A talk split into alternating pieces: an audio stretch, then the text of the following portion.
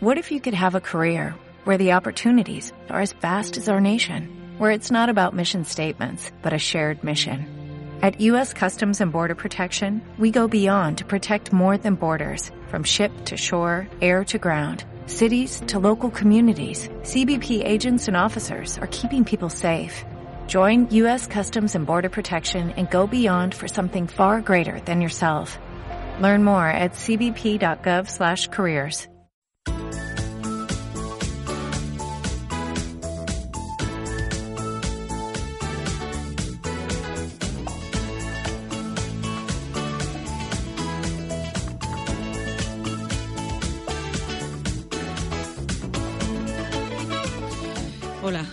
tardes. Un apaixonado lector que na literatura enxertou o pulo da vida, da lingua, da xustiza, do soño. Diario Cultural, edición Verán. A voz do escritor Agustín Fernández Paz será hoxe a que convocaremos no Diario Cultural no día da súa despedida. Agustín Fernández Paz falecía na mañá deste martes de xullo. Volveremos aos rastros que deixa nos camiños da vida e da literatura. Con el, coas súas amizades, cos seus lectores e lectoras.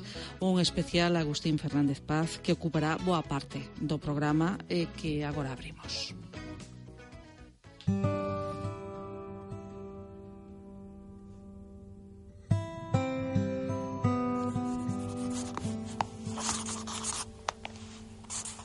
ocasións, o rastro que deixamos vaise sinalando con pequenas pedras como as que Hansel deixaba atrás dos seus pasos. É evidente, é dicir, na nosa vida imos deixando pegadas, no meu caso moitas desas pegadas son escritas formando pois, ese, ese, ese camiño un pouco torto como todos os camiños eh, porque influe o azar neles eh, que un vai percorrendo.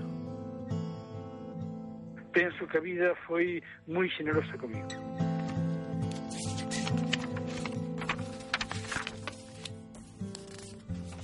Esta realidade máncame no máis íntimo. Que difícil é construir, canto traballo leva conseguir avances e que doado rápido resulta o labor de demolición.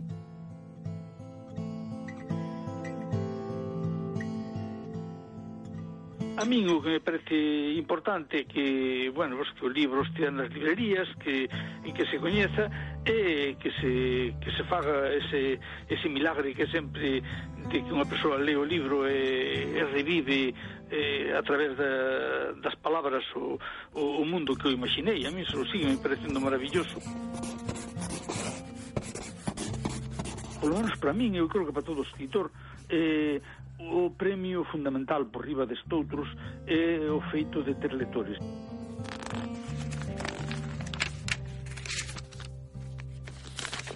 de cando en vez eh, atopaste con un libro dos que eu mm, así plantar por casa digo dos libros que teñen vida.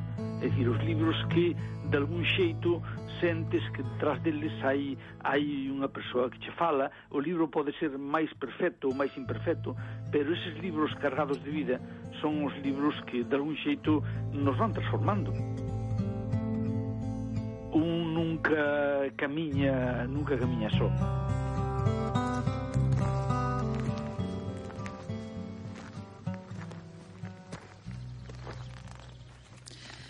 Esta mañá falecía en Vigo o escritor Agustín Fernández Paz, un dos autores máis traducidos da literatura galega das últimas décadas.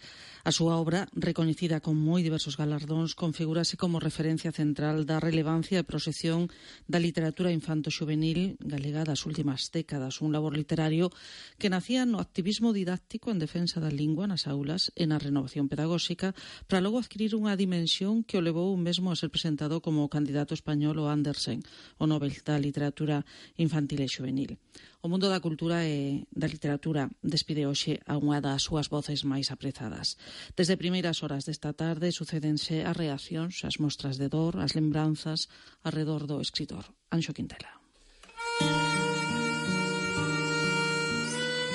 Voces crevadas pola emoción, agradecemento, amizade eran as respostas máis comuns de moitas persoas en canto ían esta mañá o nome de Agustín Fernández Paz, o autor do único que queda é o amor foi quen de crear arredor de sí, arredor del, un gran círculo de afecto, non só entre lectores e lectoras, senón tamén entre os colegas escritores.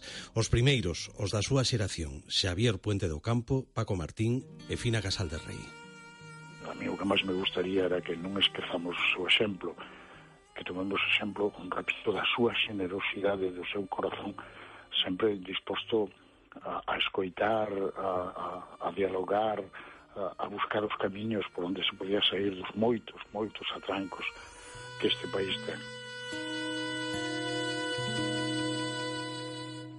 Tiña a enorme ventaxa de que escribía moi ben e que chegaba a moita xente e iso era o que máis o satisfacía, claro porque ele estaba facendo facendo patria nesa, nesa forma tan, tan un pouco ridícula de dicilo, non? pero estaba facendo por un país, por unha xente, sobre todo por unha xente, especialmente por unha xente nova, polo futuro de polo futuro desta humanidade pequena que nos corresponde a nós aquí, E, e iso era o que realmente conseguía, conseguía facer, eu creo que como ninguén o conseguiu hasta agora, non?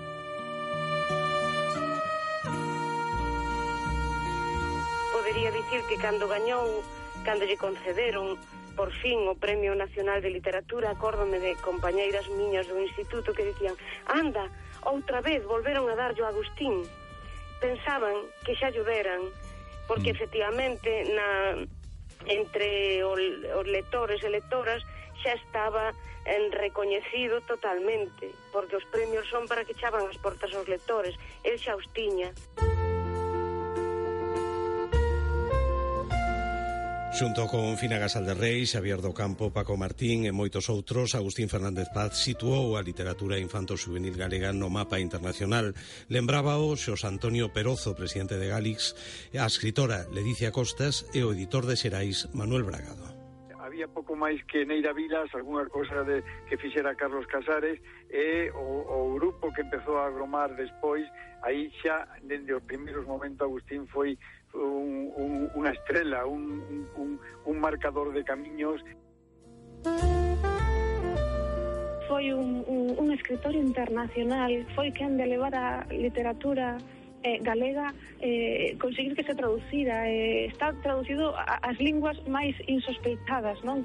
E, e, e xa vos digo unha figura absolutamente irrepetible capaz capaz ademais de defender a literatura infantil e juvenil eh, ata uns extremos que eu moito aprendín del nese sentido non? E sempre foi un, o noso candidato pois tanto os premios Astrid Lindgren e, e o premio Andersen, como máis recentemente era un candidato da literatura galega o premio o premio Nobel e así escollido e proposto pola Asociación de Escritores en Lingua Galega. Escritor rigoroso, corrector minucioso de Teimudo, moitos lembraron hoxe a capacidade dos seus libros para conectar cos lectores e lectoras máis novos, dende o deseño das tramas á construción das personaxes. Rosaneiros e Fina Gasal de Rei do que nos gusta das obras a min personalmente das obras de Agustín e que sempre me sentín protagonista das historias que el contaba. Pois desde Laura Novo en Aire Negro a Raquel no Corazón de Bosque a Clara Sotelo en Corredores de Sombras a Sara de Noite de Voraz de Sombras e por suposto a Alba da Fosa de, das Flores Radiactivas. Sempre sentín que era eu esa, esa, esas mulleres intrépidas que, que, que se repoñen contra, contra os, os cos misterios ou cos problemas que lles toca vivir e se repoñen contra iso e, e finalmente levan a, a, a bocabo elas mesmas. Todo o ensino está de loito hoxe. Todo o ensino, porque incluso eh, os non lectores, mm, así como nos pasa, por exemplo, con Rosalía, que xen, eh, que sabe dela xente que lê e xente que non lê tamén. Pois con Agustín pasaba outro tanto Integridade, coherencia, xenerosidade. Manuel Bragado fala de Agustín Fernández Paz como dun coloso da literatura galega. Foi capaz de crear unha comunidade de lectores da que eh, carecíamos eh, e foi no polo seu compromiso moral insobornable ata o último minuto, ata o último alento eh, dándonos unha lección eh, nun país eh, que moitas veces eh, non, non valora os diamantes que posúe.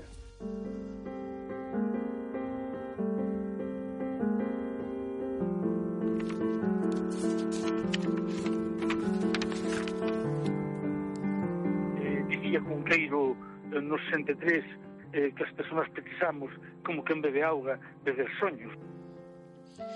E como Cunqueiro Agustín Fernández Paz viviu os soños como materia da literatura e da vida, que ambas, no seu caso, ian xuntas. Unha obra extensa que medrou na paixón da literatura e do futuro por construir. A fin, Agustín Fernández Paz pertencía a esa xeración que se construiu e construiu o futuro nos rastros do espolio vontade explícita de construir unha literatura infantil e juvenil galega de calidade á altura de calquera das outras que se fai no mundo, foi algo que conscientemente asumimos non só eu, senón outros outros compañeiros e compañeiras que empezamos a escribir pola, pola mesma época. Era lector apaixonado e autor entregado á memoria e á fantasía, un narrador que lía aos poetas. E no poema descubriu o pulo vital dos libros tan atento lector de Valente. Lera Valente para min supuxo, en concreto punto cero, que foi cando tuve un, o encontro total con el, tamén foi unha conmoción, eh, non exaxero. Uh -huh. É dicir, ler aquel libro foi un deses libros que me, que me transformou.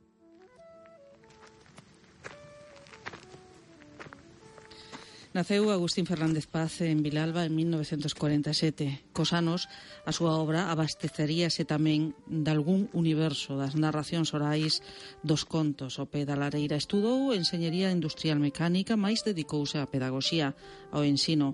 Con outros mestres e mestras da súa xeración, desenvolveu un importante labor de renovación pedagóxica con traballos tamén sobre a normalización da lingua no ensino, a didáctica da lingua, mantivo ao longo da súa intensa trayectoria literaria a responsabilidade respecto do idioma. Cos anos formou parte da Asociación Prolingua en defensa do galego e en defensa, en esa defensa argumentou o seu rexeitamento no ano 2010 do Premio da Cultura Galega. O decreto de plurilingüismo eh, baseábase, o chamado así, baseábase nunha serie de nunha serie de falacias que son, digamos, as que sosteñen o discurso do, desta parte da sociedade eh, que nos gusta chamar negacionista, porque é o que son. Eh, en concreto, a utilización espuria que fan da palabra liberdade, que sempre é liberdade para os que están en posición de privilexio e non para todos, esa posición espuria o que é a que votou para baixo o tribunal eh, é deixar, deixar eh, eh, o descoberto unha das mentiras máis persistentes que, que utilizaron os partidarios de que o galego desapareza socialmente. No ano 1989 publica a Cidade dos Desexos. Comeza así unha das trayectorias literarias máis premiadas da literatura galega contemporánea, unha intensa e extensa obra centrada na literatura infanto-xuvenil, mais non exclusivamente, e pola que recibiu algúns dos premios máis importantes neste ámbito, o Merlín, o Lazarillo, Reñalupa, Barco de Vapor, ademais de outros galardóns como o Premio Nacional, o da Crítica Galicia, os galardóns da Asociación de Escritores e Escritoras en Lingua Galega, da Federación de Librerías, da Asociación de Editoriais, alén de recoñecementos como honoris causa pola Universidade de Vigo, Premio Trasalba, entre outros galardóns. A súa é unha das obras máis traducidas do ámbito da literatura infanto juvenil A neve interminable, a viaxe de Gagarin, non hai noite tan longa, o único que queda é o amor, fantasmas de luz son algúns dos últimos títulos dunha obra que se achegou tamén ao ensayo. A de Agustín Fernández Paz é unha obra que se nutre da experiencia e do soño para cambiar o mundo.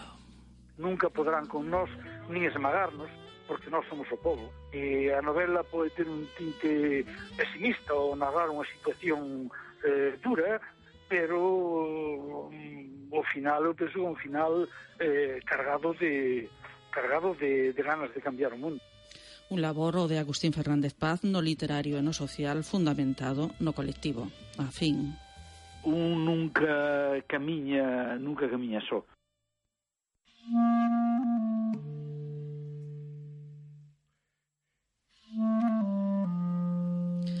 Recuperamos agora, neste día da despedida do escritor Agustín Fernández Paz, unha conversa que mantivemos aquí no Diario Cultural co escritor con motivo da homenaxe que recibiu por parte do Salón do Libro Infantil e Xuvenil de Pontevedra. Recuperamos aquela conversa. Música de Agustín Fernández Paz é unha intensa trasectoria marcada pola paixón pola literatura e a reivindicación da literatura infantil e juvenil como literatura con mayúsculas. Isto que podería parecer unha obviedade, non o é. El e outros escritores e escritoras poderían explicarnos como detrás dos títulos dunha colección etiquetada como infantil hai o mesmo labor de exigencia e compromiso literario. Esa trayectoria intensa principiaba hai 21 anos coa novela A cidade dos desexos, entre medias moitos títulos, premios como Nacional de Literatura Infantil e Xuvenil, o Merlín, o EDB, o Barco de Vapor. Agora é o autor homenaxeado no Salón do Libro Infantil e Xuvenil que se desenvolve estes días en Pontevedra. Unha homenaxe para unha trayectoria. Agustín Fernández Paz, moi boas tardes. Hola, boas tardes. Unha homenaxe para unha trayectoria como? Quero dicir, que crees que move e define a túa trayectoria literaria? A ver, eh, é difícil falar así da trayectoria dun mesmo, pero eh, A vontade eh, a que te referiches, a vontade explícita de, digamos, de, de construir ou de axudar a construir con outra xente eh, unha literatura infantil e juvenil galega de calidade, eh, digamos, eh, a altura de calquera das outras que se fai no mundo, foi algo que conscientemente asumimos non só eu, senón outros outros compañeiros e compañeiras que empezamos a escribir pola, pola mesma época. Uh -huh. Falábamos diso e falábamos da paixón pola literatura. Ben, eu non entendo a miña vida sen, sen a lectura. Eh, para min ler xa desde, desde, desde neno foi unha a lectura e o cine foron dúas paixóns na, na vida miña, seguen a selo e pois por unha serie de azares eh, aínda que a lectura segue sendo o principal para min pois tamén me, me correspondeu escribir, verme nesta xeira de escribir, eh, algo que empezou sendo case como un hobby, pois en plan bola de neve acabou converténdose na, pois, na raíz fundamental da miña actividade. Uh -huh. Es un dos narradores galegos máis lidos, premiados e traducidos. Eh, teño a fortuna de ter, de ter lectores e eu non deixo de dar grazas en ningún momento porque mm, para calquera escritor eh, ter lectores eh, é algo é algo extraordinario e eh, eu sempre digo que escribir é como é como botar botellas ao mar Entón, o feito de que haxa tanta xente que as recolle e que as lí, pois a min pareceme, parece maravilloso. Uh -huh. Algúns títulos que van por máis de 20 edicións. E historias eh, sempre no ámbito da novela, do relato, aínda que es bon lector de poesía, polo menos así se sí, percibía, sí, no único que nos queda é o amor. Sí, sí, eh, a poesía é unha das miñas lecturas eh, permanentes, é dicir, eh, eh, por supoño que como a toda a xente que nos gusta a poesía, eh, temos autores pois, os que volvemos unha, unha e outra vez, eh, dos que acabamos aprendendo case sin querer un montón de poemas de memoria. É dicir, a poesía, mm, a ver, é imprescindible uh -huh. para min. Uh -huh. Como escritor non? Como escritor non, como escritor eh, os tanteos que fixen hai ben anos, bueno, pois un eu suficientemente autocrítico como para ver que eh, que non, uh -huh. que que que non era que hai outra xente que fai moito mellor e que polo tanto pois eh, un ten que facer sobre todo que lle saia medianamente ben. Misterio, fantasía, realismo, humor, ironía, que move as historias de Agustín Fernández Paz? Pois eh, sí, é verdade que toquei moitos moitos temas eh, eh, eh mm, moitos xéneros eh, moitos, eh, pero é certo que hai algunhas cousas que, que están en moitos libros meus eu creo que a principal quizá seña é vistora desde a distancia así de cando un xa mira para atrás a principal seña a obsesión pola, pola memoria polo, eh, polo pasado polos anos nos que un eh, abandona a nenez e eh, pasa, digamos, a ser, a ser mozo ou moza, E claro, no da memoria tamén está, está metido pois o que pode ser o misterio, porque eu sempre o digo, eh, son da derradeira xeración dos que medraron sen, dos que medramos en televisión, e eh, ainda escoitamos historias ao redor da cociña de ferro. E, e iso, pois, pois marca. O certo é que moitas das historias que escoitei na miña nenece eh, aínda seguen, digamos, actuando dentro da miña cabeza. Uh -huh. Logo hai tamén nos teus libros moito de, de soño, de soño de futuro, de utopía. Sí, pois claro, porque porque a ideoloxía dun escritor sempre está nos libros eh, máis ou menos enmascarada. Eh, se un desexa un mundo diferente ao actual eh, bueno, por resumirlo nese, nese lema de que outro mundo é posible bueno, pois, pues de alguma maneira eso tamén se percibe nos, nos libros como escribe Uh -huh. As veces tense tildado a certa literatura infantil nese sentido de excesivamente pedagóxica. Eh, que é un dos perigos que, que, que compre ter moi en conta. É dicir, eh, mm, eh, como, como diría eu, vamos a ver, eh, si, si esa, digamos, esa ideoloxía ou esa visión do mundo eh, se fai excesivamente explícita e eh, acaba comendo a historia eh, ou o relato que estás a contar, pois obviamente eso é un, un erro tremendo e incurres nunha, nunha literatura que cae no didactismo, eh, e que non vale eh, hai que ser moi consciente dos perigos dos perigos que existen eh, decatarse de que ti mm, transmites unha visión do mundo pero tela que transmitir a través dunha historia atractiva, engaiolante que de algún xeito sexa o, o motor principal eh, que move que move o lector. Uh -huh. Se logo despois a ideoloxía está por detrás, pois eso pasa en nas novelas miñas, nas de calquera outro escritor eh, mm, xuvenil, infantil ou para adultos. E ata que punto, Agustín? Agustín, a paixón pola literatura nace das aulas, dese mestre preocupado pola renovación pedagóxica, o fomento da lectura e a normalización da lingua. A ver, en boa medida, mm, en boa medida mm, eh, consolídase aí, porque é certo que se eu entrei en contacto coa mellor literatura infantil e juvenil pues, que se facía no mundo, eh, a partir, cando empezou a traducirse en España, a partir dos finais dos 60, Bueno, pois é por, justamente pola, pola miña preocupación educativa, é dicir, se ti estás nas aulas, pois queres saber eh, eh, que é o que hai eh, mm, dirixido a eses alumnos e alumnas, e daí ven que entres en contacto con unha serie de xente eh, extraordinaria, eh, que te decates de que ali hai unha, hai unha calidade que, que, bueno, que non ten nada que envexar a, a ninguén, e que decidas embarcarte tamén por ese camiño. O traballo nas aulas é todo un desafío nestes momentos momentos, non?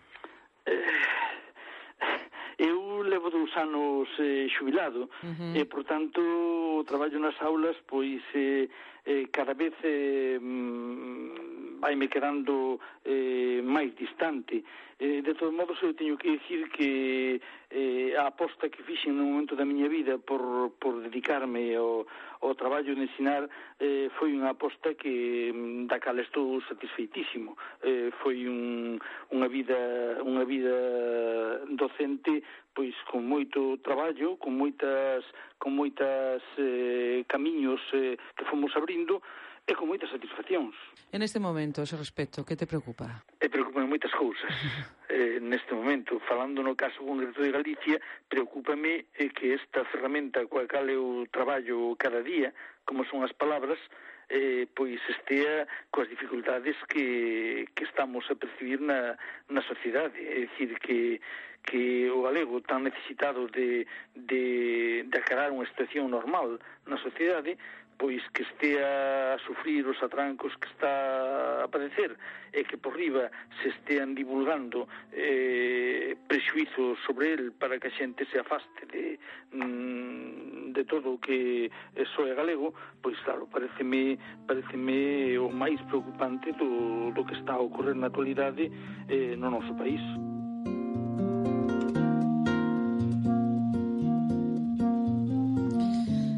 conversa que mantiñamos con Agustín Fernández Paz con motivo da homenaxe no Salón do Libro Infantil e Juvenil de Pontevedra e que hoxe, no día da despedida do escritor, recuperamos. La, la, la, la, la, la, la, la. La, la, sempre disposto a colaborar con este diario cultural, o seu trato sempre tan afable e amigable permitiu-nos conversar en moi diversas ocasións con Agustín Fernández Paz. E mesmo contar coa súa complicidade nun espazo do programa que mantivemos no ano 2009 o cuestionario que agora recuperamos. Un lugar para pasear. Pois pode ser calquera corredoira entre Carballos e Castiñeiros preferentemente por algunha zona do interior de Galicia. Un motivo para facer o que fai gustame contar historias, expresar a través delas eh, o meu xeito de ver a vida e, e saber que hai persoas que as van ler. E parece que esa é unha motivación importante. A que lle gustaría dedicarse de non facer o que fai? Desde logo o campo da música, no que son un negado, compoñer música, saber tocar algún instrumento, debe de ser magnífico. Que episodio ou acontecemento da historia da cultura lle resulta máis suxerente? nacemento do cine en 1895 e todo o seu desenvolvemento posterior pola importancia que tivo o cine na historia do século XX. Que parte da historia da cultura galega reescribiría? Como o faría? Eh, nos reescribiría varias, pero unha delas o corte que supuxo a Guerra Civil, tra a eclosión magnífica que había nos anos 20 e 30, a desfeita posterior, eh, o exilio foi un, un algo tremendo para Galicia e para a cultura galega como a reescribiría? Pois que non hai golpe de Estado, que a República continúa, co Estatuto de Autonomía do 36 senta as bases dunha Galicia próspera, que as vanguardas artísticas se consolidan, e que ao tempo a lingua acaba unha posición socialmente normalizada. Con que personaxe de ficción simpatiza? Pois mm, con, con ben deles, pero por citar un mm, co, coa Evangelina, o personaxe feminina de Xento Lonxe, a novela de Blanco Moro que protagonista ou feito histórico cree que está esquecido e debería recuperarse? Pois a min gustaríame que se dese máis relevancia, a relevancia que merece, a figura de Plácido Castro, un galego importante do século XX insuficientemente coñecido. Fai turismo cultural? Eh, fago, pero menos do que me gustaría. A verdade é que gustaríame facer máis. Queremos pensar, ¿Qué obra literaria, de investigación, musical, artística nos aconsellaría? Por qué? Ben, aquí, aquí podría haber moitas, eh, moitas para recomendar, pero por quedarme nunha, que o que se me pide, pois un libro, o original é catalán, eu lino en castelán, en castelán chamase La semilla un, un, inmortal, los argumentos universales en el cine, é de Jordi Balló e Xavier Pérez, E nel ofrecennos unha viaxe polos libros e polas películas eh, que de algún xeito configuran todo o ADN do que é a arte de contar historias. Obviamente, de paso que se recomendo o libro, habría que completar a recomendación coa visión das películas e a lectura dos libros básicos que, que se van salientando ao longo dos capítulos. Que lle gustaría conmemorar tal día como a hoxe do ano 2019? pois unha cousa podía ser eh, que o Diario Cultural ten dez anos máis, que segue tan vivo como hoxe, e que me entrevistan para falar da novela que publiquei na primavera de 2019. La, la, la, la, la, la, la, la, la, la, la. O cuestionario que o escritor Agustín Fernández Paz, cómplice, respondía a este diario cultural Eh, co que hoxe pechamos esta entrega especial arredor do autor da viaxe de Gagarin, que falecía hoxe, esta mañá, na cidade de Vigo.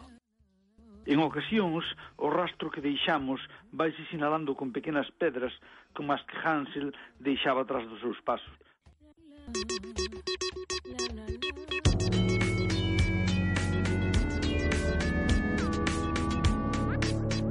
Diario Cultural 25 anos.